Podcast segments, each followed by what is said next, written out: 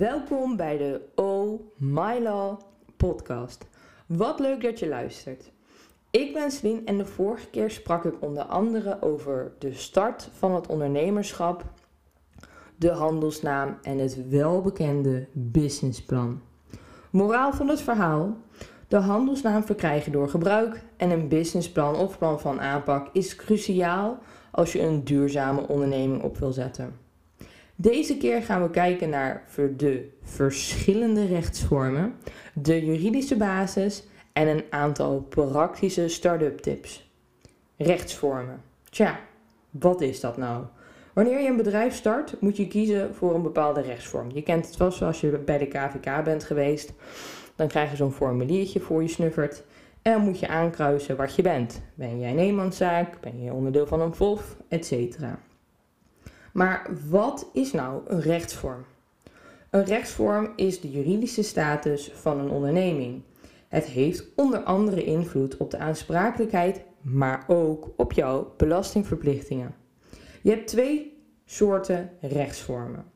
Eén met rechtspersoonlijkheid en één zonder rechtspersoonlijkheid. Ten aanzien van de rechtsvormen met rechtspersoonlijkheid geldt dat zij alles kunnen wat ook een natuurlijk handelingsbekwaam persoon zou kunnen. Zo heeft zij eigen bezittingen, schulden, maar ook verplichtingen. Maar welke soorten zijn er nou precies met rechtspersoonlijkheid? Nou, op de eerste plaats, die ken je waarschijnlijk wel, is de BV, de besloten vernootschap. Nou, het kapitaal van een besloten vernootschap, even in het kort, is verdeeld in aandelen die in bezit zijn van de aandeelhouders. De hoogste macht ligt bij de AVA, de Algemene Vergadering van Aandeelhouders. En daarbij geven de bestuurders de dagelijkse leiding over het bedrijf. Dan heb je de naamloze vennootschap. Deze lijkt heel veel op de BV, maar één, onder andere één bijzonder verschil is dat de aandelen vrij verhandelbaar zijn op de beurs. Dus als jij internationale ambities hebt, kan het best wel verstandig zijn om naar de mogelijkheden van de NV te kijken. Dan heb je de vereniging. Nou, een vereniging, we kennen ze allemaal wel: de tennisvereniging, de hockeyvereniging, de voetbalvereniging, de zangvereniging. Je hebt allerlei soorten verenigingen. En de macht daarbij ligt bij de ledenvergadering. Nou, dan heb je de coöperatie en de onderlinge waarborgmaatschappij. Nou, dat zijn eigenlijk in het kort bijzondere vormen van verenigingen. En als afsluiter hebben we de stichting.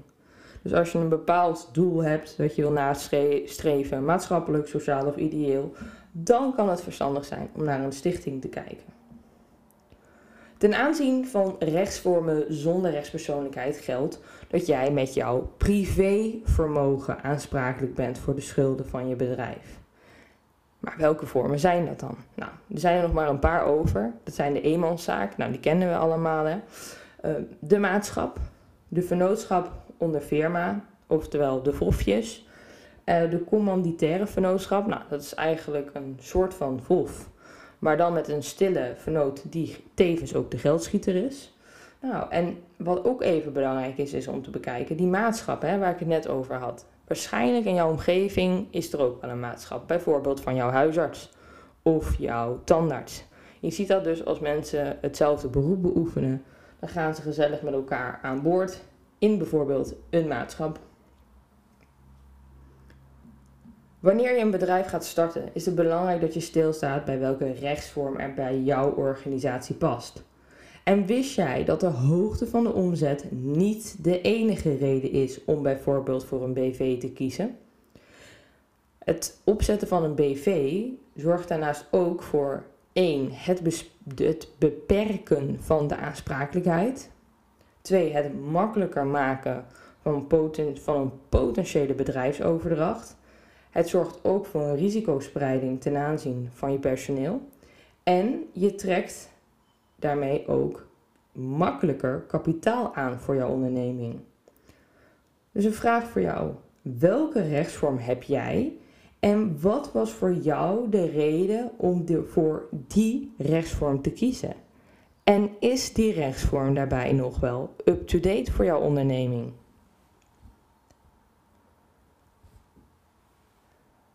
Nu gaan we kijken naar het volgende thema. En dat is de juridische basis. Oftewel de juridische EHBO. Om juist de ongelukken te voorkomen. Je kent me, ik zeg altijd: voorkomen is beter dan genezen. Tja, als je dacht dat je het juridische gedeelte van je bedrijf pas startte nadat je alles had ingeschreven en klaar was, dan heb je de vorige aflevering al kunnen merken dat het juridische al om de hoek komt kijken op het moment dat jij die handelsnaam gaat bedenken. Een vaak gestelde vraag bij ondernemers is: maar waar moet ik nou beginnen? Natuurlijk is het lastig om bij alle juridische zaken nog de bomen door het bos te zien, dat begrijp ik. Het startpunt voor een gedegen juridische basis begint bij jouw algemene voorwaarden en een privacy statement die bij jouw onderneming passen. En nee, ik bedoel dan geen algemene voorwaarden die je even op zaterdagmiddag van de bol.com hebt geplukt met een glaasje rosé in je hand. Nee, ik heb het dan over algemene voorwaarden en privacy statement die bij jouw normen en waarden passen die jij wil uitstralen met jouw onderneming. Maar wat zijn eigenlijk algemene voorwaarden?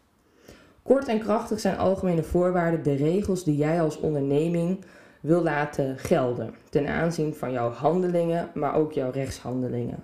Dus het feitelijk leveren van een dienst of product of het sluiten van een wederkerige overeenkomst met bijvoorbeeld een klant. De algemene voorwaarden gaan ook wel onder de naam de kleine lettertjes. En in de kleine lettertjes neem jij zaken op als de levering van jouw dienst of product, aansprakelijkheid, eventuele garanties, betaling, klachtprocedures, intellectuele eigendomsrechten en ga zo maar door.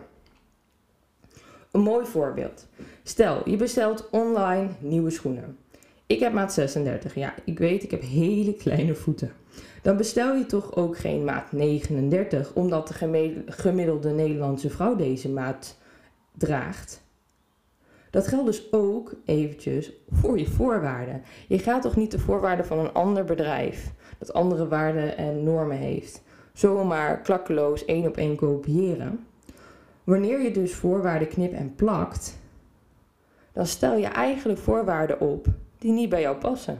En bestel je dus eigenlijk die maat 39, terwijl je maat 36 hebt. Een ander vaak gestelde vraag is het verschil tussen het zaken doen met bedrijven of consumenten. Dus even in concreto, als ik zaken doe met consumenten en als ik zaken doe met bedrijven, zit daar een verschil tussen? Ja, daar zit zeker een verschil tussen. Zodra je als ondernemer te maken hebt met consumenten, ben je verplicht om ook de consumentenrechtelijke regels te volgen. Er zijn dan ook zwarte en grijze lijsten in de wet die bepalen dat bepaalde bedingen of clausules niet mogen. En of, en of dat ze in bepaalde omstandigheden slechts mogen. Nou, voorwaarden die bij jouw bedrijf passen kunnen 1. Conflicten voorkomen. Geven duidelijkheid aan je klant, dus heel belangrijk voor het verwachtingsmanagement. Beperken de risico's. Beperken de aansprakelijkheid en geven jou, maar ook jouw klant, structuur en houvast. Elke organisatie die persoonsgegevens verwerkt is verplicht een privacy statement op te stellen. Maar wat is nou die privacy statement? Een privacy statement heeft als doel het informeren van de personen wiens gegevens jij verwerkt. Zo dien je ze te informeren over het feit wat er met de gegevens gebeurt en op welke grondslag dit verwerkt is. Wat betreft de inhoud, stel zijn er gewoon volgens de algemene verordening verordening gegevensbescherming specifieke eisen waar jouw privacy statement aan moet voldoen. Meer weten over het thema AVG, dat komt ook nog terug in een van de volgende podcasts. Dus wees gerust.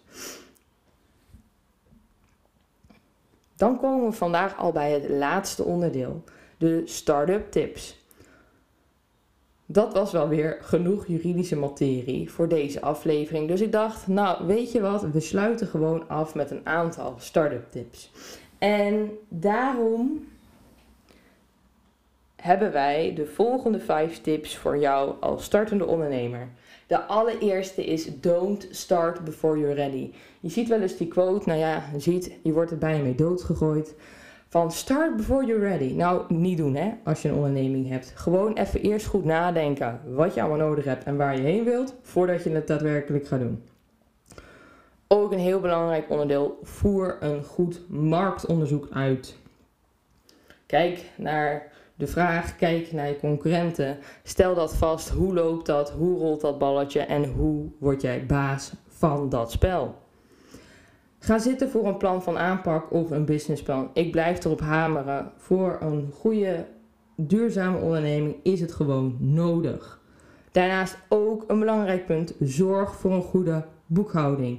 Jij bent te alle tijden verantwoordelijk voor je eigen administratie. Verdiep je dan ook in dit thema en gooi het gewoon niet in één keer over de schutting bij een boekhouder. En zeg dan vervolgens niet van: hé, hey, ik weet niet wat hier aan de hand is, ik weet niet wat IB is. Nee, beste dames en heren, kijk echt even naar dat thema, zodat je het een beetje in de vingers hebt, zodat je het ook kan verantwoorden, zodat je ook weet waar je mee bezig bent. Zorg er ook voor daarnaast dat je hele mindset rondom inkomsten ook lekker scherp staat. Nou, ken jouw onderscheidende kenmerk en laat je zien.